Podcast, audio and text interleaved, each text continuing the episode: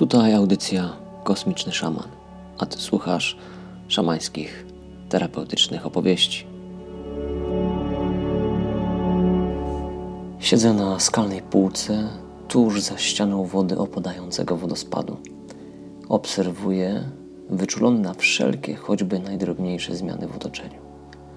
Przesuwam swój punkt scalający bardziej w lewo. Wtedy też zaczynam dostrzegać skaczący po brzegu świetlisty punkt, który zmierza w moim kierunku. Po chwili jego świetlista, bezforemna postać przemienia się w całkiem sporą żabę. Wtem dostrzegam drugi, tak samo jasny i tak samo w moim kierunku skaczący punkt.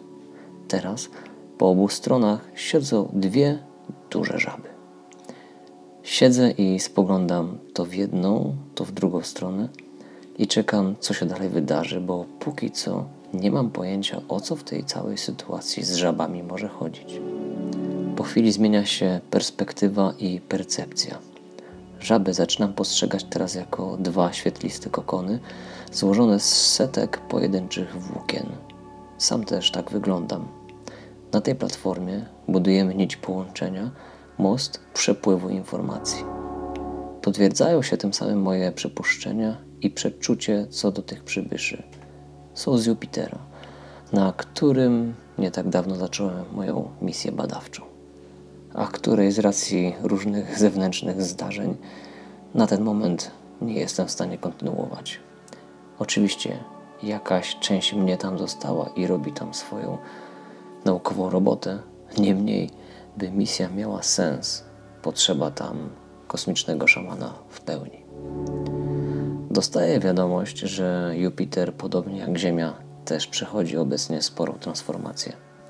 Nalegają tym samym, bym udał się tam w podróż wraz z nimi, bo nie ma czasu do stracenia. Chodzi o to, by jak najszybciej ściągnąć informacje istotne dla gwiezdnych podróżników, którzy pochodzą z Jupitera i już od jakiegoś czasu inkarnują na Ziemi. Cóż, chyba nie mam za wielkiego wyboru. Dziwni przybysze zakładają na moją prawą rękę czerwoną materiałową opaskę. To będzie swego rodzaju bilet wstępu, znak rozpoznawczy, gdy tylko z powrotem trafię na Jupitera.